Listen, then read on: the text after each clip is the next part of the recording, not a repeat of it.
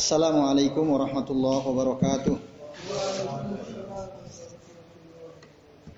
Innal hamdalillah nahmaduhu wa nasta'inuhu wa nastaghfiruh wa na'udzu billahi min shururi anfusina wa min sayyiati a'malina may yahdihillahu fala mudhillalah wa may yudlilhu fala hadiyalah. Asyhadu an la ilaha illallah wahdahu la syarikalah wa asyhadu anna Muhammadan abduhu wa rasuluh. Allahumma salli wa sallim wa barik ala Muhammad wa ala ali Muhammad kama sallaita wa barakta ala Ibrahim wa ala ali Ibrahim. Innaka Hamidum Majid. Rabbi shrah li sadri wa yassir li amri wa 'uqdatam min lisani yafqahu qawli. Amma ba'du. Ikhwas sekalian a'azani Allah wa iyyakum ajmain. Ya, semoga kita semua yang hadir di majelis ini pada malam hari ini senantiasa dirahmati Allah Subhanahu wa taala. Amin ya Allah ya rabbal alamin. Alhamdulillah ya pada kesempatan malam hari ini kita bisa bertemu kembali di majelis kajian kitab Sarah Awakidul Islam. Ya. Pada pertemuan yang lalu kita sudah membahas mukaddimah dan nakid al-awwal ya, an-nakidul awwal, pembatal Islam yang pertama yaitu apa? Kesyirikan. Kesyirikan. Yang kedua disebutkan wasani atau asani Qala al-muallif rahimahullah berkata penyusun kitab ini asani yang kedua adalah man ja'ala bainahu wa bainallahi wasaita. Siapa saja man siapa saja ja'ala yang menjadikan bainahu wa bainallah ya, wasaita yang menjadikan perantara Wasa itu itu perantara-perantara di antara dirinya dengan Allah. Jadi siapa saja yang menjadikan antara dia dengan Allah itu ada perantara. Dia beribadah kepada Allah, dia menggunakan perantara. Dia berdoa kepada Allah, dia gunakan peran perantara. Itu wasaid. Wasitoh jamaknya wasaid. Jadi dia kalau berdoa nggak langsung sama Allah. Nah, dia meminta tidak langsung kepada Allah, tapi ada perantara. Nah ini, ya. Lalu katakan yad'uhum mereka berdoa, ya. Atau ia berdoa kepada siapa? Kepada perantara-perantara itu. Hum di sini perantara, yad'u pelakunya, wayas aluhum dan dia meminta kepada si perantara ini asy-syafa'ah. Syafaat ya, satu pertolongan. Ya, wa kalau alaihim. Nah, dan nah, di sini di dalam kitab antum mungkin nggak dijelaskan tuh. Wa kalau alaihim. Dan dia bersandar tawakal kepada perantara itu. Jadi sandarannya dia kepada si perantara tadi maka kafara ijma'an. Orang yang melakukan hal ini dia kafir secara ijma' ahlul ilmi ya, menurut kesepakatan para ulama. Saya ulangi untuk mempertegas ya, faktor yang kedua atau pembatal keislaman kedua ikhwas kalian adalah seseorang yang menjadikan perantara antara dia dengan Allah. Lalu dia berdoa kepada si perantara itu, dia memohon kepada si perantara itu untuk menjadi memberikan syafaat atau pertolongan dan lalu dia bertawakal bersandar kepada seperantara tadi. Nah, inilah orang yang dia kafaro ya, kafir dia ijma'an berdasarkan ijma para para ulama. Ya, tawasul itu perantara. Tapi tidak semua tawasul ya. Nama lain dari wasito itu wasilah wasail wasaid ya. Nah, Iwas sekalian azan ya Allah wa iyyakum ajmain. Ini ya sikap menjadikan perantara antara dia dengan Allah ini lebih khusus daripada kesyirikan yang kita ada bahas pada pertemuan sebelumnya. Kalau syirikan umum, lebih umum. Ini juga bagian dari kesyirikan, tapi lebih khusus. Ini juga bagian daripada syirik karena dia menduakan Allah kan, mintanya sama makhluk. Dulu orang-orang kafir Mereka beribadah kepada siapa? Allah katanya. Tapi lewat perantara apa? Patung-patung. Patung-patung. Kan ada patung Lata, Uzza, Manat. Itu ada. Kalau tanya kamu kenapa nyembah? Enggak, saya kami enggak nyembah patung sebenarnya. Kamu menyembah Allah. Ini hanya sekedar perantara saja. Gitu. Maka kafir dia. Sama orang uh, Nasrani barangkali ya. Ada salib, ada Bunda Maria. Atau kalau di Bunda di Buddha itu mungkin ada Siddhartha Gautama ya, ada ada patung besar itu ya. Itu Hindu atau Buddha tuh? Yang mereka sembah-sembah. Buddha. Siddhartha Gautama itu ya? Ah, nggak tahu. Ah, iya, tokohnya lah ada tokohnya, ya, ada tokohnya. Nah, itu itu mereka jadikan perantara supaya sampai keinginan mereka kepada Tuhan. Maka kalau dalam ilmu perbandingan agama itu ada istilah esoteris, eksoteris katanya. Dulu saya pernah belajar ya salah satu mata kuliah ada ilmu perbandingan agama. Sesungguhnya secara esoteris, secara inti semua agama itu sama. Yang dituju itu satu titik yang sama, yaitu Allah Azza wa Jalla. Ya. Satu nama yang sama, Eh, satu zat yang sama tapi beda nama kalau katanya ya. Itu. Dan itu emang dari dulu udah begitu ya. Maksudnya kajian tentang hal ini begitu. Orang yang pluralisme itu ya. Aliran pluralisme itu begitu. Jadi menurut mereka nggak ada ada yang salah. Benar semua cuman cara mengekspresikan sikap religius itu yang beda-beda maka ada yang disebut dengan uh, sisi eksoteris. Ada esoteris, eksoteris. Esoteris inti. Kalau eksoteris itu bagian luar. Bagian luar ekspresi keagamaan. Buddha, Hindu, Kristen, Yahudi, Islam memang beda-beda. Tapi yang tujuh sudah satu. Yang tujuh satu. Nah, terus sekalian, pun demikian orang-orang musyrik.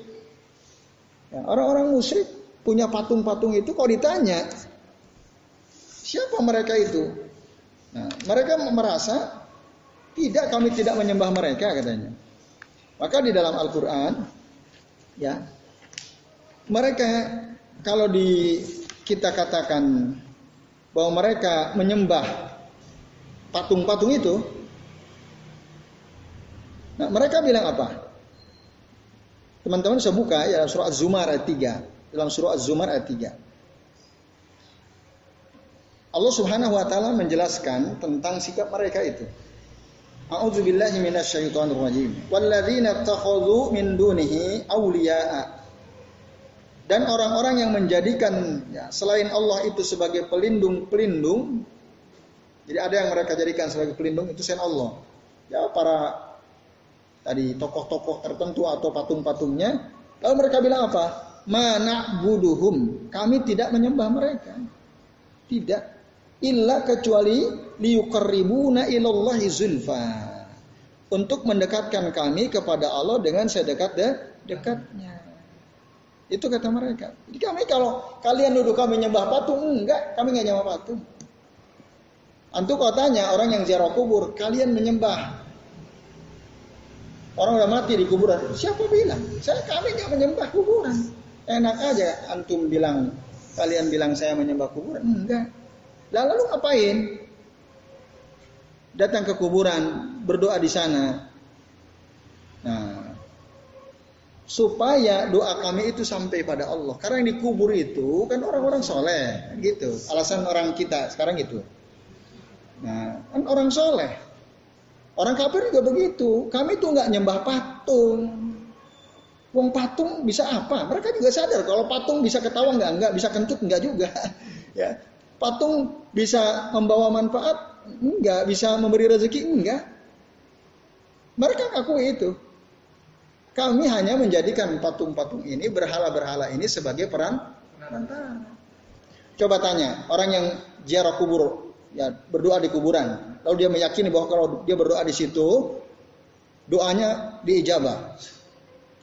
Kalau kita tanya, apa si ahli kubur ini, orang yang ada di kuburan ini bisa kasih rezeki sama kamu? Pasti bilang apa? Tidak. Bisa menciptakan? Tidak. Membahayakan kamu? Tidak. Lalu ngapain? Ya supaya doa kami didengar oleh Allah maka lewat mereka. Kan gitu jawabannya pasti. Nah itu ya. Maka ini ada dalam kitab Kasfus Subuhat ya. Ini subhat-subhat yang harus dibuka.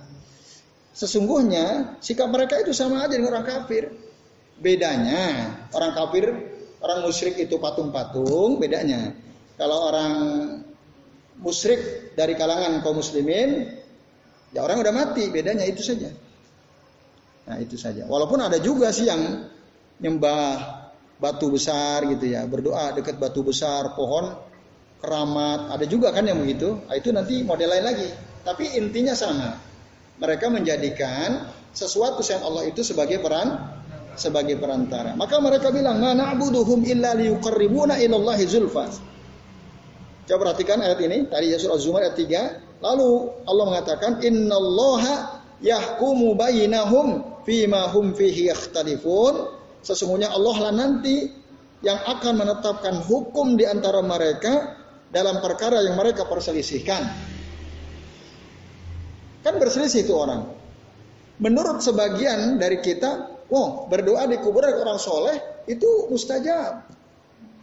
Karena mereka hidup di sisi Allah. Maka kalau kita ingin doa kita dikabul oleh Allah, punya hajat, punya keinginan atau kita memohon supaya diangkat kesulitan hidup kita, datang ke kuburan si fulan. Yang kemarin sudah bahas itu. Kalau kalian mau menghadapi ujian uan, yuk kita ziarah kubur, berdoa supaya kalian lulus semua. Kan gitu. Nah, karena mereka itu mendengar. Menurut kita, oh enggak, itu gak ada manfaatnya. Menurut mereka itu ada manfaatnya. Ada perselisihan nggak di sini? Ada kan? Maka di sini Allah katakan, Inna Allah yahkumu bainahum fi mahum fihi yakhtalifun. Nanti Allah yang menetapkan hukum dalam perkara di mana mereka berselisih. Innallaha la yahdi man huwa kadzibun kafar. Sesungguhnya Allah tidak akan memberi petunjuk kepada orang yang kadzibun. Berdusta, kafarun. Orang kah? kafir. Jadi Allah berikan dua lakom. Bagi siapa? Bagi orang-orang yang menjadikan perantara antara dia dengan Allah. Lakomnya apa? Kadzib, kafar. Ini dia. Dasarnya kuat sekali. Ya. Jadi orang yang menjadikan perantara antara dirinya dengan Allah, maka Allah beri dia dua gelar. Kadib, pendusta dia, bohong dia. Yang kedua, kafar. Orang kufur kafir itu berarti kan imannya udah lepas. Nah ini ya, ikhlas kalian, azan ya Allah wa iyyakum ajmain. Maka hati-hati ya dengan kesamaran-kesamaran. Seakan-akan itu baik, seakan-akan itu benar, Padahal sesungguhnya itu adalah kekufuran. Nah, ya biasanya sih yang kita sudah sering ulas ya penjelasannya. Biasanya alasan-alasan mereka itu kalau kita tanya, uh, ya karena mereka orang soleh, orang soleh itu dekat sama Allah. Bahkan dalam Al-Quran ada dasarnya. Mana dasar kalau kita tanya ada, yaitu dalil tentang uh, apa itu? Ada dalam Al-Qur'an yang ayat berbunyi la tahsabannalladzina kutilu fi sabilillahi amwatan bal ahya. Itu ya. Dalam surah apa itu? La tahsabannalladzina kutilu fi sabilillahi amwatan bal ahya. Amwatan bal ahya. Nah, Bapak, teman sekalian bisa cari buka ya, silakan buka la tahsabannalladzina zalamu minkum. Alladzina qutilu fi sabilillah surah Ali Imran ayat 169 buka silakan.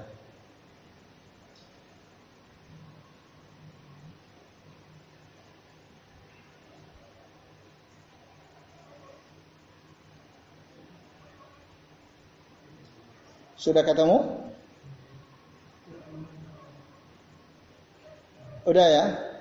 Surah Ali Imran ayat 16. Wala tahsabanna alladzina qutilu fi sabilillahi amwata. Allah yang mengatakan, Allah yang bilang, janganlah kamu sekali-kali ya, mengira bahwa orang-orang yang terbunuh di jalan Allah itu mati. Allah yang bilang. Bal ahya, bahkan mereka itu hidup inda rabbihim di sisi Tuhan mereka yurzakun mereka dikasih rezeki. Allah yang bilang hidup di sisi Allah dikasih rezeki. Nah, kalau kita baca lagi ayat bawah ayat berikutnya ayat 170-nya. Farihina bima atahumullahu min fadlih. Mereka bergembira dengan apa yang Allah telah berikan kepada mereka dari karunia-Nya. Wa dan mereka ya, mendapatkan kabar gembira billadzina lam yalhaqu bihim min khalfihim. Dengan orang-orang yang belum apa? menyusul mereka ya. Generasi di belakang mereka Allah khaufun alaihim janganlah uh, tidak ada kekhawatiran atas mereka walahum yahzanun dan mereka tidak bersedih hati. Wa yastabshiruna bi ni'matin min Allah. Mereka bergembira dengan nikmat dari Allah wa fadl dan karunia dari Allah wa anna Allah la yudhi'u ajral mu'minin dan sesungguhnya Allah tidak menghilangkan pahala orang-orang beriman dan seterusnya. Nah, ini dasar yang dijadikan dalil oleh sebagian saudara kita yang suka datang ziarah kubur lalu berdoa minta hajat atau minta supaya kesulitannya dicabut oleh Allah Taala. Lalu mereka datang ke kuburan orang soleh. Karena mereka meyakini orang soleh itu, para ulama termasuk alladzina qutilu fi sabilillah. Orang yang meninggal dunia di jalan Allah Taala. Betul memang kayak kita nih ya. Kita kan datang dari rumah ke sini.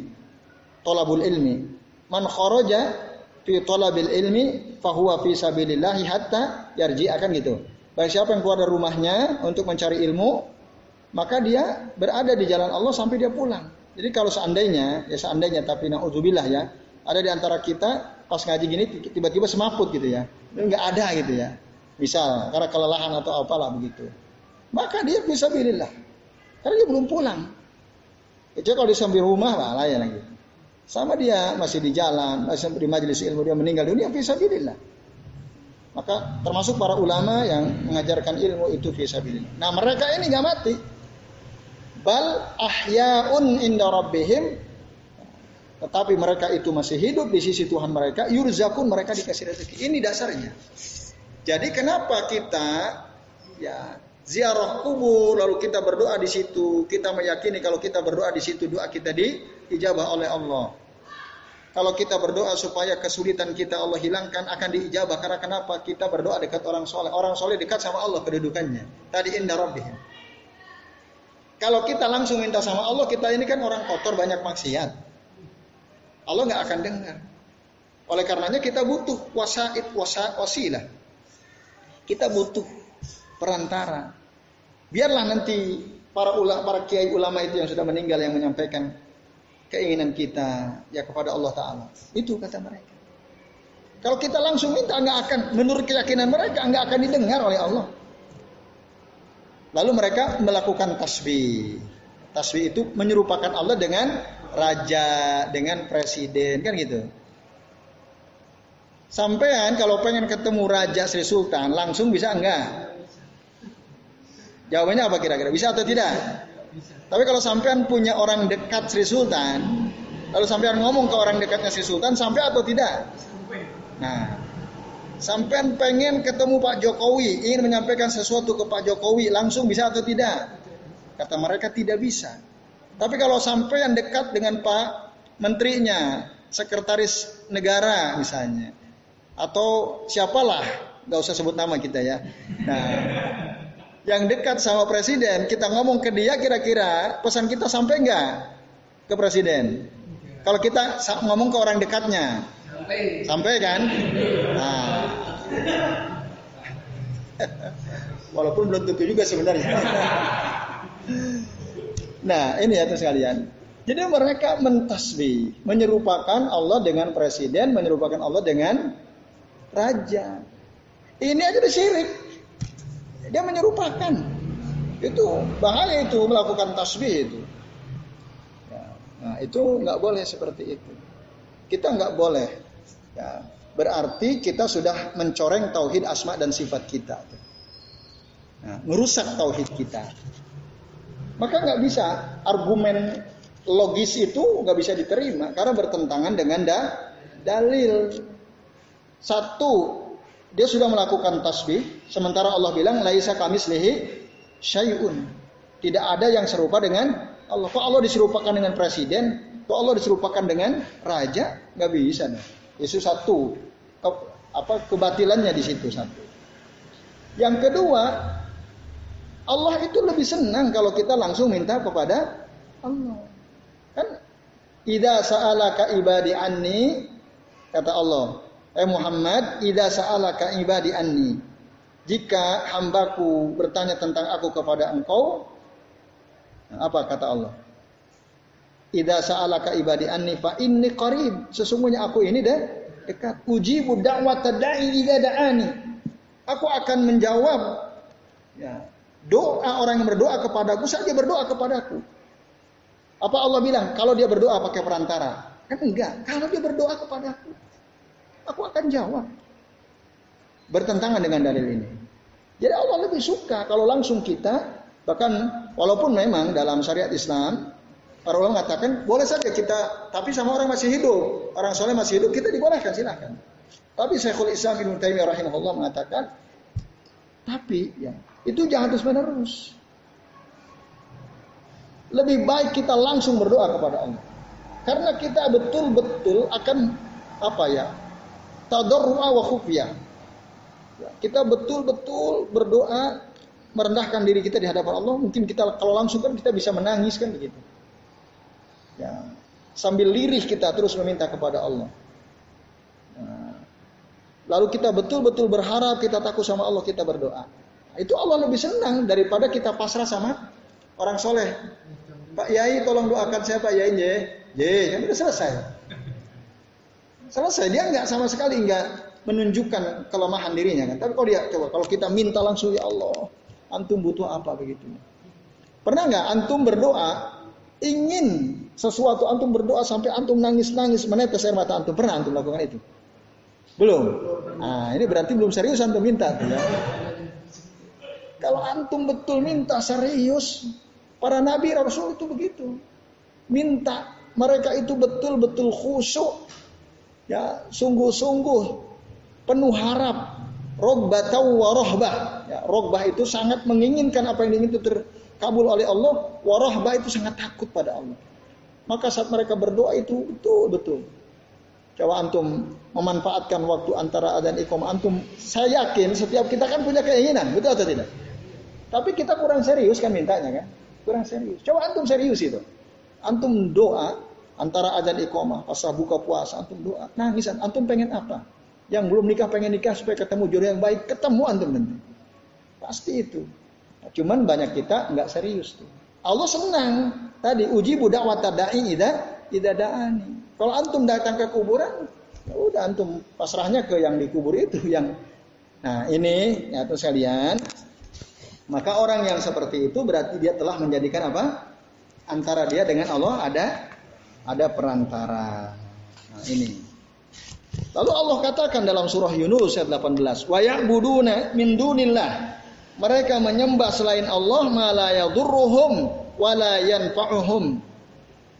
Sesuatu yang tidak bisa mendatangkan bahaya untuk mereka dan tidak pula bisa mendatangkan manfaat untuk mereka. Siapa? Ya semua makhluk apa pun. Ya, baik nabi yang sudah meninggal dunia, ya, atau malaikat atau para wali dan seterusnya, itu sama sekali mereka makhluk-makhluk Allah itu apa pun derajatnya tidak bisa membahayakan mereka dan tidak pula bisa memberikan man manfaat kecuali dengan izin Allah tentu saja. Makanya Rasul pernah bilang, "Fa'lam ketahuilah annal ummata ya sesungguhnya umat itu Seandainya mereka ijtama'u berkumpul semuanya alaan yadurruka bisyai'in untuk mencelakakan kamu dengan sesuatu lam yadurruk.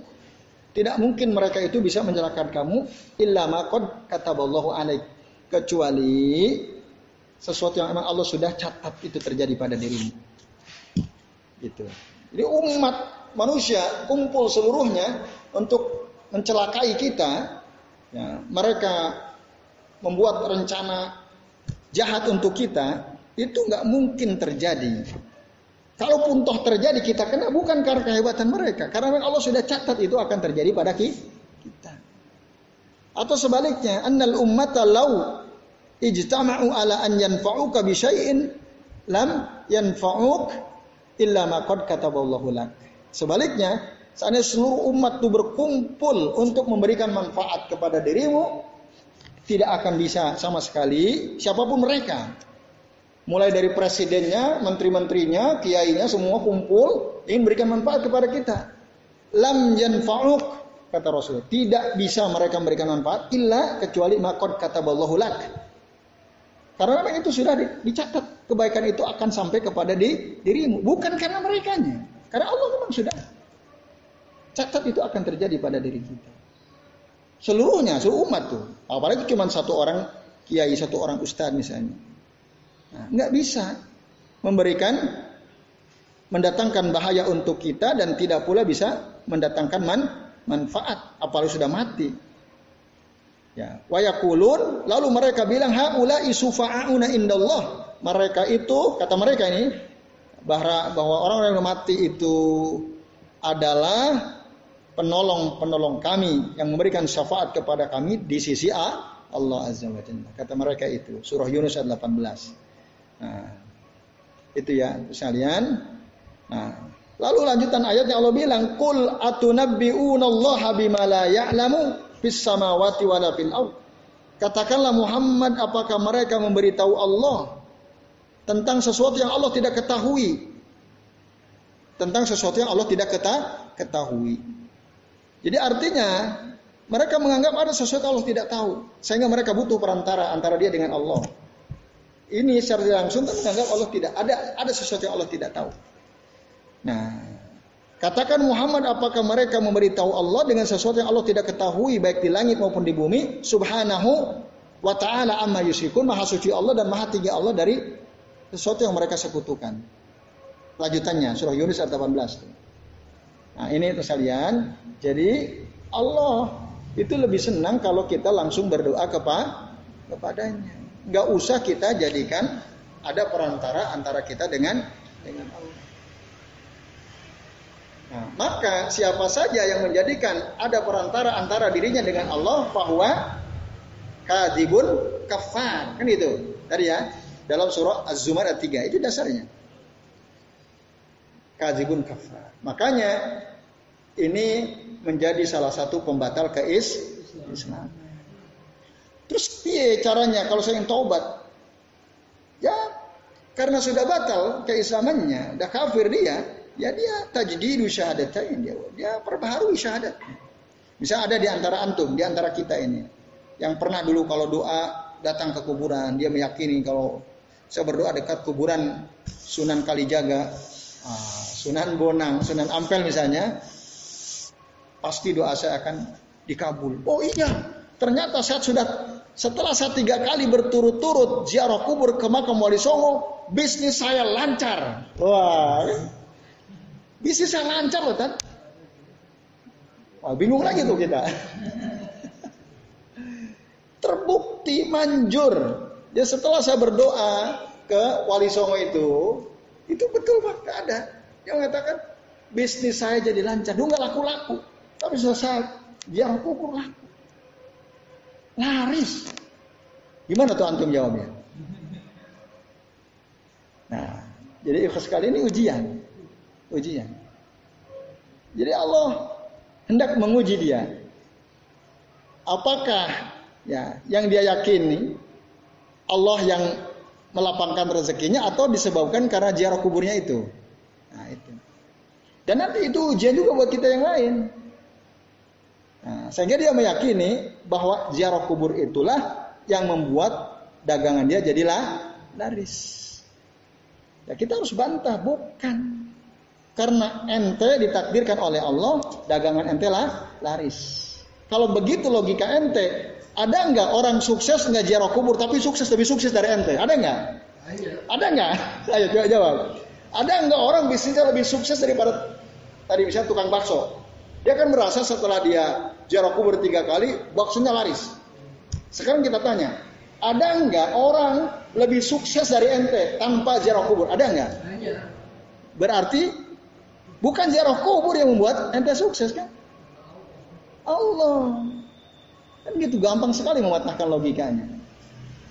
Nah, seandainya karena ziarah kubur itulah kesuksesan bisa didapatkan, maka pasti semua orang yang bisnisnya sukses itu berarti sudah ziarah kubur semua. Kan tidak, tidak semua. Ya, tidak semua. Bahkan ada yang sangat anti terhadap ziarah kubur, sukses. Ada nggak? Banyak. Anti dia ziarah kubur, tapi bisnisnya jauh lebih sukses daripada orang yang suka ziarah kubur misalnya. Nah, ini menunjukkan bahwa sesungguhnya kesuksesan usaha seseorang itu bukan karena ziarah kuburnya, karena Allah, ya. Allah. Nah, itu juga ujian tentu saja untuk kita ya. Ikhwas sekalian, azan ya Allah wa iyyakum ajmain. Nah, maka berdasarkan surah Az-Zumar ayat 3 inilah ya uh, dalam kitab ini disimpulkan bahwa menjadikan perantara antara dirinya dengan Allah itu adalah pembatal keis keislaman karena Allah mengatakan ya Inna Allah la yahdi man huwa kadibun kaf. Udah gitu dia nggak di nggak dapat petunjuk tuh dari Allah. Kan ngeri banget tuh. Orang kalau udah dicabut petunjuk Allah, man yudlilhu falaha hadiyalah. Orang kata Rasul, Rasul sering sekali mengucapkan itu dalam mukadimah khutbahnya. Mayyahdihillahu fala mudillalah wa may yudlilhu falaha. Orang yang oleh Allah disesatkan nggak ada orang bisa ngasih kasih petunjuk ke dia nggak bisa. Nauzubillah min dzalik ya keadaan seperti itu sekalian. Semoga Allah jauhkan kita ya. Nah, baik.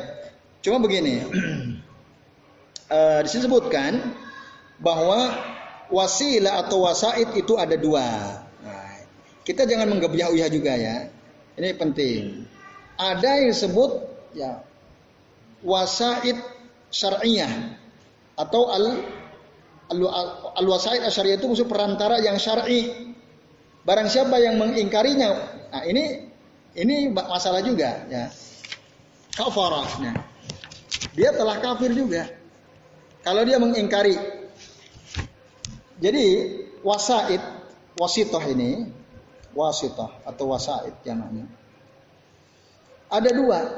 Satu wasaid syariah yang apabila kita mengingkari, ya kita jadi kafir juga. Tapi ada wasaid syirkiyah yang kita memang harus mengingkari. Kalau kita mengiyakan kafir juga. Nah, itu ada dua. Apa yang dimaksud wasaid syariah itu? Wasaid syariah itu, ikhlas kalian, azan ya Allah wa iyyakum ajmain, di sini jelaskan adalah ya, kita meyakini bahwa antara kita, Allah dengan makhluk itu ada perantara. Yang dengan perantara itulah kita jadi paham hukum-hukum Allah. Kita jadi paham makna dari asma-asma dan sifat-sifat Allah. Kita jadi paham aina al-haq wa aina al-batil. Mana yang hak, mana yang batil. Kita jadi paham aina al-halal wa aina al-haram. Kita jadi paham aina asyar wa aina al-khair. Kita jadi ngerti mana yang buruk, mana yang baik. Apa kira-kira yang dimaksud perantara ini? Yang dengan perantara ini kita lalu jadi paham. Ini memang wasaid syariah namanya. Siapa kira-kira? Siapa? Ustad, ulama, para nabi, para rasul. Itu wasaid, perantara. Lewat nabi dan rasul itu kita paham. Lewat para ulama kita jadi paham. Lewat para asatid kita jadi paham. Oh begini maksudnya, oh begini maksudnya. Mana yang benar kita jadi paham, yang keliru jadi paham. Kita nggak boleh mengingkari bahwa memang ada wasaid syariah itu. Nah ini, ketika kita mengingkari justru berarti kita telah menjadikan kafir. Itu ikhlas kalian. Kalau kita mengingkari keberadaan Nabi dan Rasul sebagai kalau para ulama, para ustadz kan pewaris ya para nabi kan Ya, setelah Nabi Rasul meninggal memang di, diwariskan tugas itu ya kepada para para ulama. Yang paling pokok adalah Nabi dan Rasul itu. Mereka itulah yang disebut wasaid syariah itu. perantara-perantara yang bersifat syar syar'i. Lewat risalah yang dibawa oleh para nabi dan rasul, nah, kita jadi paham ya, mana yang benar, mana yang batil, mana yang baik, mana yang buruk, mana yang halal, mana yang haram dan seterusnya. Maka Allah Ta'ala di dalam Al-Quran surah An-Nisa ayat 165 berfirman, Rusulam mubashirina wa munzirin. Para rasul itu ya bertugas memberi kabar gembira dan memberi peringatan li alla yakuna linnasi 'alallahi hujjah supaya manusia tidak lagi punya alasan di hadapan Allah atau kepada Allah. Ba'dar rusul sampai Allah kirim para roh rasul. Supaya mereka ya Allah kan saya nggak tahu. Nggak boleh gitu. Udah ada rasul kok ente bilang nggak tahu? Iya ya Allah saya nggak paham. Ya ente sama ini ngaji nggak? Nggak ente itu salah ente. Kan Rasul sudah diutus, ya kan? Al-Quran sudah disampaikan, hadis-hadis sudah disampaikan.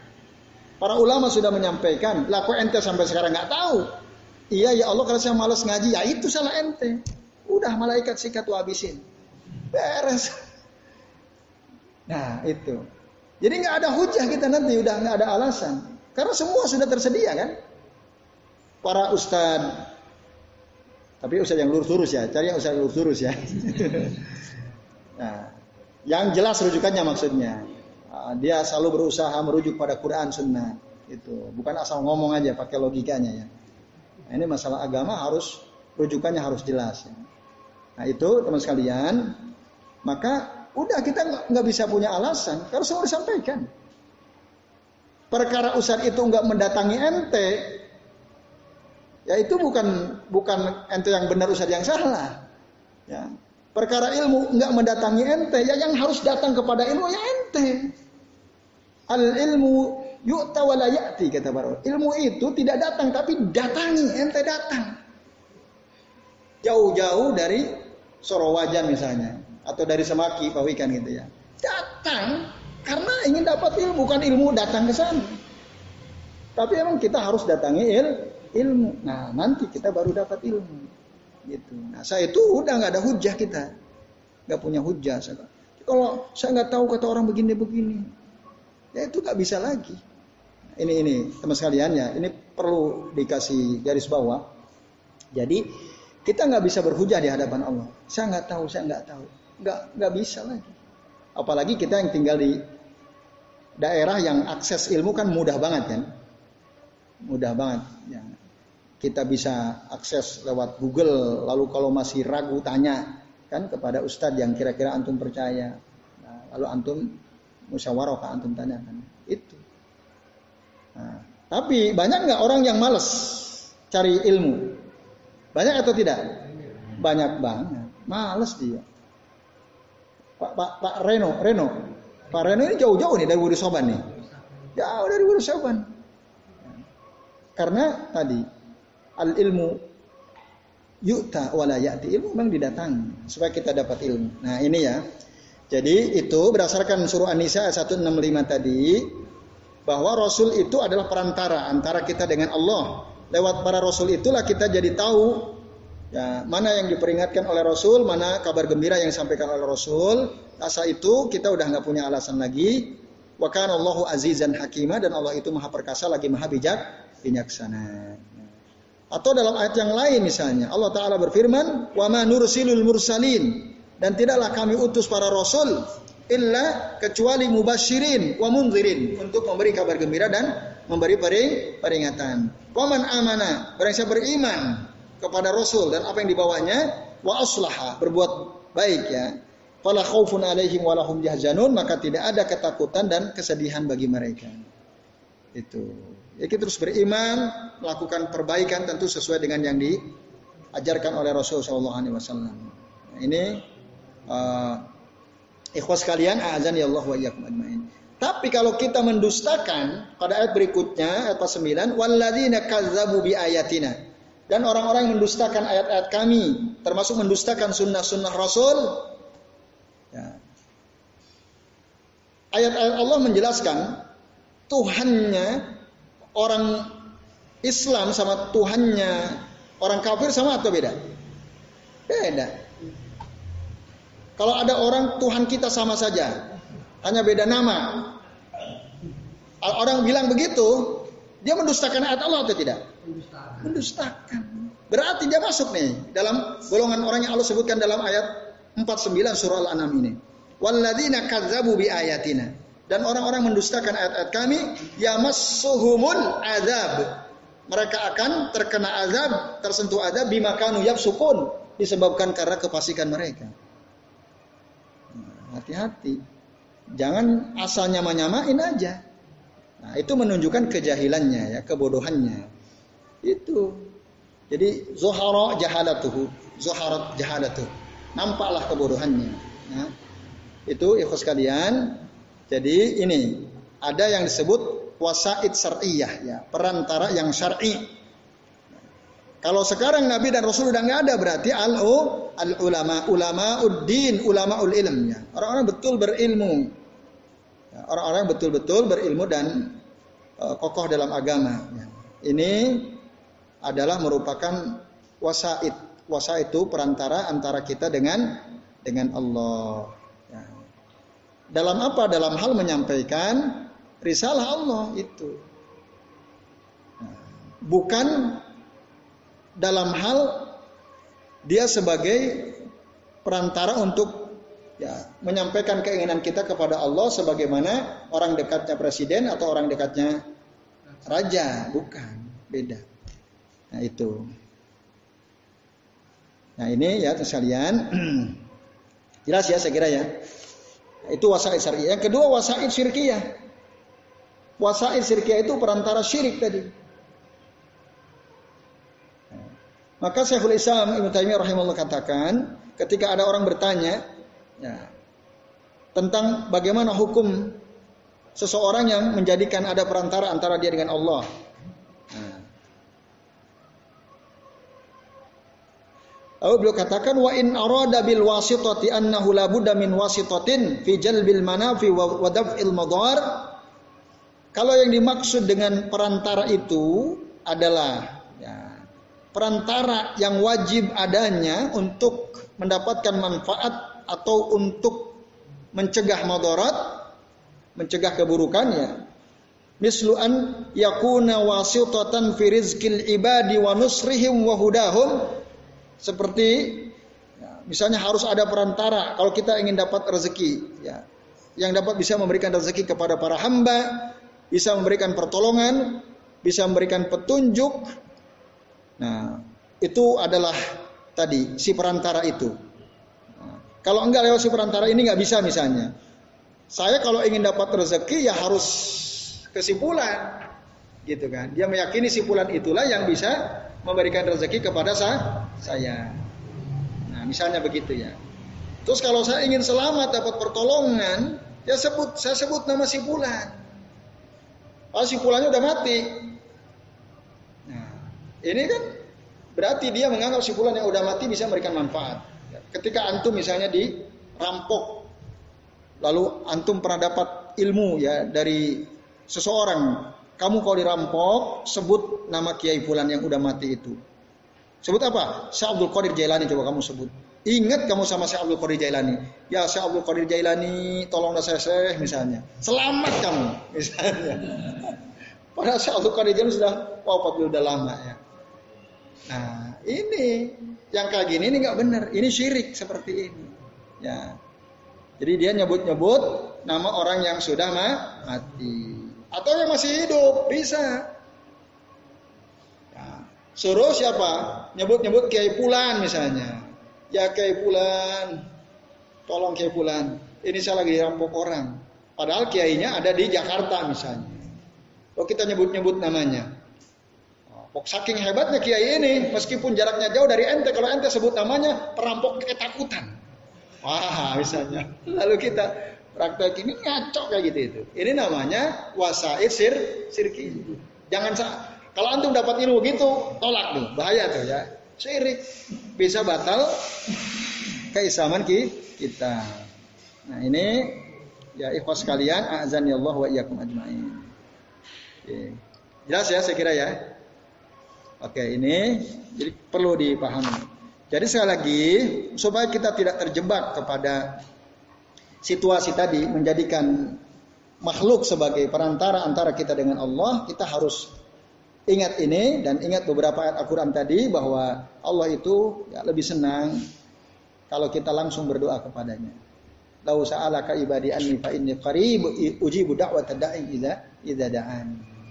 Nah ini. Nah, jadi Allah Maha mendengar, Allah itu Sami, Maha melihat basir ya. Kalau kita minta apa saja Allah dengar. Allah dah dengar. Semakin kita ya merendahkan diri di hadapan Allah taala, semakin kita merasa dalam kesempitan, semakin Allah senang kita ya berdoa kepada Allah. Nah, tadi rogbatau warohbah, rogbah itu ya yang jelas saya udah pernah menyampaikan kan, mengalami betul-betul saya mengalami situasi itu. Jadi ketika butuh sekali saya nangis se, pokoknya se ini ini ya, saya betul-betul minta mohon sama Allah. Alhamdulillah ada gitu keinginan-keinginan yang nampaknya secara matematis nggak mungkin, nggak bisa tuh nggak mungkin. Saya hitung nggak mungkin. Tapi karena doa tadi, karena doa silahul mu'min kan, doa itu senjata orang beriman. Nah sebenarnya bisa apa pun ya, bisa. Cuman ya tadi kadang-kadang suasana begitu itu nggak setiap saat bisa, nggak setiap saat bisa itu yang yang kadang-kadang tuh ganggu kita kan. Jadi kita setengah-setengah mintanya kan. Nah, itu. Jadi maka Nabi dalam satu hadis mengatakan Inna Allah la yastajibu ya Inna Allah la yastajibu duaan min qalbin ghafilillahin. Allah tidak akan mengijabah doa dari orang yang hatinya lah lalai. Jadi kalau doa itu ya betul-betul. Nah, itu ya. Maka beruntunglah kita kadang-kadang ketika Allah uji kita dengan satu situasi yang berat. Mungkin sebenarnya Allah ingin kita itu minta sama Allah kan. Cuman kita nggak sadar. Nah, itu. Jadi Allah uji kita. Maka dalam hadis mengatakan innallaha idza abtala kau ya, innallaha idza ahab uh, ahabba qauman ibtalahum. Allah itu kalau mencintai satu kaum Allah uji. Semakin Allah cinta akan semakin berat ujian. Nabi itu ujiannya lebih berat atau lebih ringan dari kita? Lebih berat. Kalau nggak pernah diuji sama Allah ya kita hidupnya flat aja kan, datar-datar aja. Nggak nggak nggak serius kita minta apa-apa. Pokoknya ya gitu teman sekalian, kita ketika terjebak ya dalam situasi yang uh kayaknya berat sekali, itu manfaatkan betul. Ya, udah tidak bergantunglah tawakalnya hanya ke, bertawakallah hanya kepada Allah Taala. Sudah. Allah pasti ijabah tuh doa kita. Kan kalau kita terdesak, kan pasti hati dan pikiran dan lisan kan sama kan? Senada kan?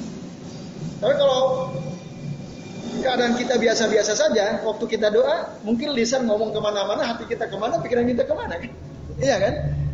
Tapi kita ngerasa udah berdoa kan gitu. Nah, kok kok nggak dijawab-jawab ya? Ente doanya nggak serius kok. Nggak roh bata warahmat tadi. Nabi dan Rasul aja begitu kalau berdoa. Nah ini ya, sekalian, azan ya Allah Nah, terakhir tadi tentang ya, syafaat tadi. Syafaat pun tadi kan mereka bilang, jadi mereka itu ya hanya sebatas sebagai ya, una in indallah, penolong penolong kami di sisi Allah atau yang memberi syafaat kepada kami di sisi di sisi Allah. Itu sebagai tadi disebutkan dalam surah Yunus ayat 18 ya. Mereka bilang wa yaquluna haula isufa'una. Mereka itu hanya sekedar penolong-penolong kami, pemberi syafaat kepada kami di sisi Allah. Nah, syafaat itu kita udah berkali-kali nampaknya membahas ya. Jadi syafaat itu semuanya milik milik Allah. Kalau kita mau minta syafaat, nah mintalah kepada kepada Allah. Ayatnya jelas sekali dalam surah Az-Zumar ayat 44 kan. Qul lillahi asy-syafa'atu jami'an. Katakanlah bahwa syafaat itu seluruhnya milik milik Allah. Ya. Lahu mulkus samawati wal ard. Milik Allah lah seluruh apa yang ada di langit dan di bumi. Summa ilaihi turja'un. Kemudian kalian semua akan dikembalikan kepada Allah Ta'ala. Kemudian dalam surah Sabah ayat 23 Allah Taala mengatakan wala tanfa'u asy-syafa'atu indahu illa liman azina lahu. Tidaklah bermanfaat ya, syafaat di sisi Allah kecuali bagi orang yang di, diizinkan untuk mendapat syafaat. Atau dalam ayat kursi juga begitu. Atau dalam ayat yang lain, illa lima nirtadha. Kecuali orang yang Allah ri, ridhai. Ya kalau orang berbuat syirik, Allah ridho nggak? Tidak. Artinya nggak mungkin dia dapat syafaat, udah syirik kok. Menduakan Allah. Nah, ini ya sekalian. Oleh karena itu, ya syafaat itu ada dua. Ada syafaat musbitah, ada syafaat manfiyah. Musbitah itu memang benar ada syafaat. Bagi siapa? Bagi yang memenuhi dua syarat. Satu, dia mendapatkan ya orang yang memberikan syafaat dapat izin dari Allah. Yang kedua dia diridhoi oleh Allah Taala. Itu pasti. Pasti itu. Rasul nanti di hari akhir di hadapan pengadilan Allah ketika situasi sangat mengerikan datang kepada Allah, sujud tersungkur, Allah bilang sak angkat kepalamu ya Muhammad, mintalah tu'to, kamu minta akan dikasih. Kalau kamu minta syafaat, minta izin untuk memberikan syafaat, maka Allah kasih kemampuan untuk bisa memberikan syafaat. Tapi minta dulu, Allah izinkan. Tapi apakah otomatis setelah Allah izinkan Rasul bisa memberi syafaat, semua umat yang dapat syafaat? Tidak, kita udah bahas dalam kitab sebelumnya dalam kitab Fadlul Islam di bagian terakhir kan lebih banyak yang masuk neraka atau surga umatnya Rasulullah masuk neraka dulu. Artinya apa? Orang masuk neraka berarti nggak dapat syafaat dari Nabi SAW nah itu kan. Dalilnya kita bisa buka dalam kitab sebelumnya di kitab kita yang sama ini. Nah ini ikhwas kalian azan Allah wa ajmain. Jadi harus satu dapat izin dari Allah yang kedua harus dapat ridho dari Allah Ta'ala. Kalau Allah nggak ridho sama kita Meskipun Rasul Allah izinkan bisa memberikan syafaat, tapi kita nggak mungkin dapat. Makanya Rasul bingung. Itu umat, itu umat, itu umat. Kenapa mereka digiri? Inna kala tadri. Nah, sesungguhnya engkau Muhammad tidak tahu. Ma'ah daka perkara baru apa yang mereka lakukan setelah sepeninggal engkau ya Muhammad. Udah. Artinya Rasul udah nggak bisa apa-apa. Bahkan Rasul balik suko suko menjauh kamu menjauh kamu. Rasul aja nggak ridho. Ya, diusir sama Rasul. Saya bilang jauh jauh. Nah, gitu. Walaupun beliau melihat wajah kita, kaki kita, tangan kita bercahaya, tapi setelah dijelaskan, Rasul bilang suhta, suhta, menjauh kamu. Nah, kan ngeri itu. Nah ini jadi syafaat musbita itu kalau memenuhi dua syarat tadi. Dan yang kedua syafaat an manfiyah, artinya syafaat yang dinafikan. Ya, dinafikan artinya nggak ada nggak ada manfaatnya syafaat nggak bisa ya itu syafaat yang seperti apa yang nggak bisa ya itu yang disebut dengan asyafaah asyirkiyah syafaat ya yang mengandung kesyirikan. Kita minta syafaat tapi di situ mengandung kesyirikan. Seperti tadi saya jelaskan. Ya, jadi ketika mereka berkata wa ma ma na'buduhum illa liyuqarribuna ila Allah zulfa tadi itu ya. Atau dalam surah Yunus ayat 18 ayat 18 tadi wa ya'buduna min dunillahi ma la yadur ma la yadurruhum wa la yanfa'uhum wa yaquluna haula'i syufa'auna indallah. Nah itu itu yang termasuk kategori syafaat syirkiyah ya. Kita meyakini bahwa ada makhluk yang bisa menjadi perantara, bisa memberikan syafaat kepada kita di sisi Allah Taala. Itu.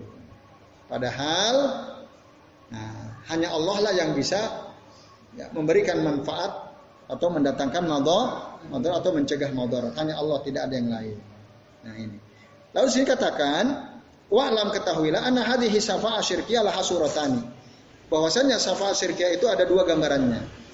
Yang pertama adalah an yas'alal mayyita inda qabrihi asyafa'ah wal wal wasaid atau wal wasitah. Yaitu seseorang meminta kepada si mayit di samping kuburannya supaya si mayit itu menjadi syafaat atau perantara antara dia dengan Allah. Ya Mbah, Mbah Kiai, saya ingin punya istri tiga Mbah Kiai, misalnya. Bagaimana cara supaya ya hati isi yang pertama itu bisa luluh mbah gitu ya. Minta dia misalnya. Nah ini berarti dia minta kepada si mayit supaya keinginannya dikabulkan oleh Allah Taala. Mintanya sama si mbah kiai yang ada di kuburan itu. Nah ini banyak terjadi atau tidak? Banyak nggak terjadi yang kayak gini? Banyak, banyak. Ya. Jadi orang minta-minta ke kuburan, lalu menyebut-nyebut nama orang yang ada di kuburan itu. Agar apa? Doanya itu dikabulkan. Nah ini syirik, syafaat syirkiyah. Nah, misalnya dikatakan, ya dia memanggil-manggil orang yang ada di kuburan itu, ya ayyuhal waliyul fulani, ya kiai fulan, ya ustad fulan, ya habib fulan bin fulan, isfa' lana inda rabbika wa tawassat wa tawassat lana fi kada wa kada. Berikanlah syafaat kepada kami di sisi Tuhanmu dan jadilah engkau perantara antara kami dengan Allah Ta'ala.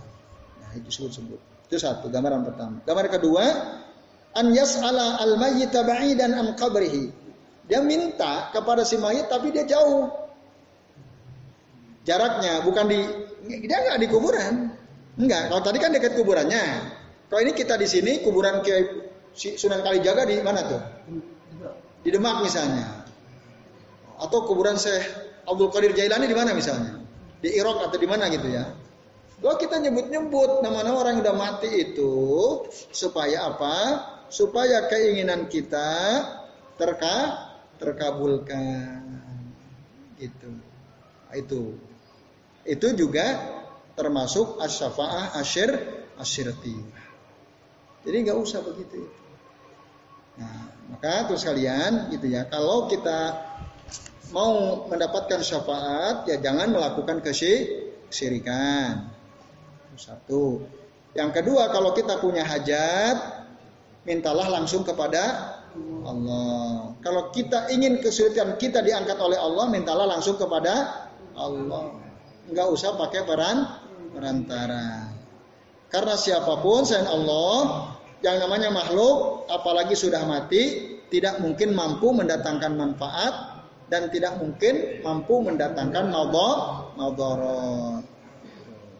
Jadi saya kira ini jelas ya. Nah itu maka semoga ya saat kita kaji ini semakin jelas ya prinsip kita bahwa kita harus menjauhi segala bentuk perantara ya, antara kita dengan Allah Taala. Jangan pakai perantara, langsung saja kepada Allah. Minta langsung kepada Allah, bersandar langsung kepada Allah, ibadah langsung kepada Allah. Jangan duakan Allah dengan yang lain. Udah selesai. Itulah orang yang betul-betul sempurna keimanannya. Yang tauhidnya terpelihara dari ya, kotoran-kotoran kesyirikan. Jadi saya kira ini semoga bermanfaat. Selebihnya ini jam 10 lewat ya. Lewat berapa ini? 13, 18. Ya. Oke. Kalau ada yang mau nanya, ringkas saja. Silakan. Sebelum diakhiri, barangkali ada yang bertanya.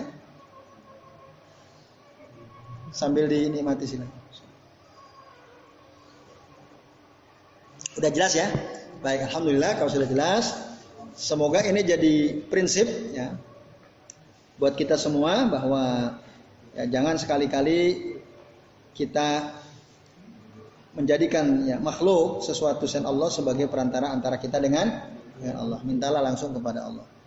Terima kasih teman sekalian atas perhatiannya. Dan kami mohon maaf, ya mohon maaf tentu saja jika apa yang kami sampaikan ada kesalahan dan ada kekeliruan mohon dimaafkan eh, dan mohon dibukakan pintu maaf yang seluas-luasnya. Dan saya akhiri wasallallahu ala Muhammadin wa sahbihi wa baraka wa. Billahi taufiq hidayah. Wassalamualaikum warahmatullahi wabarakatuh.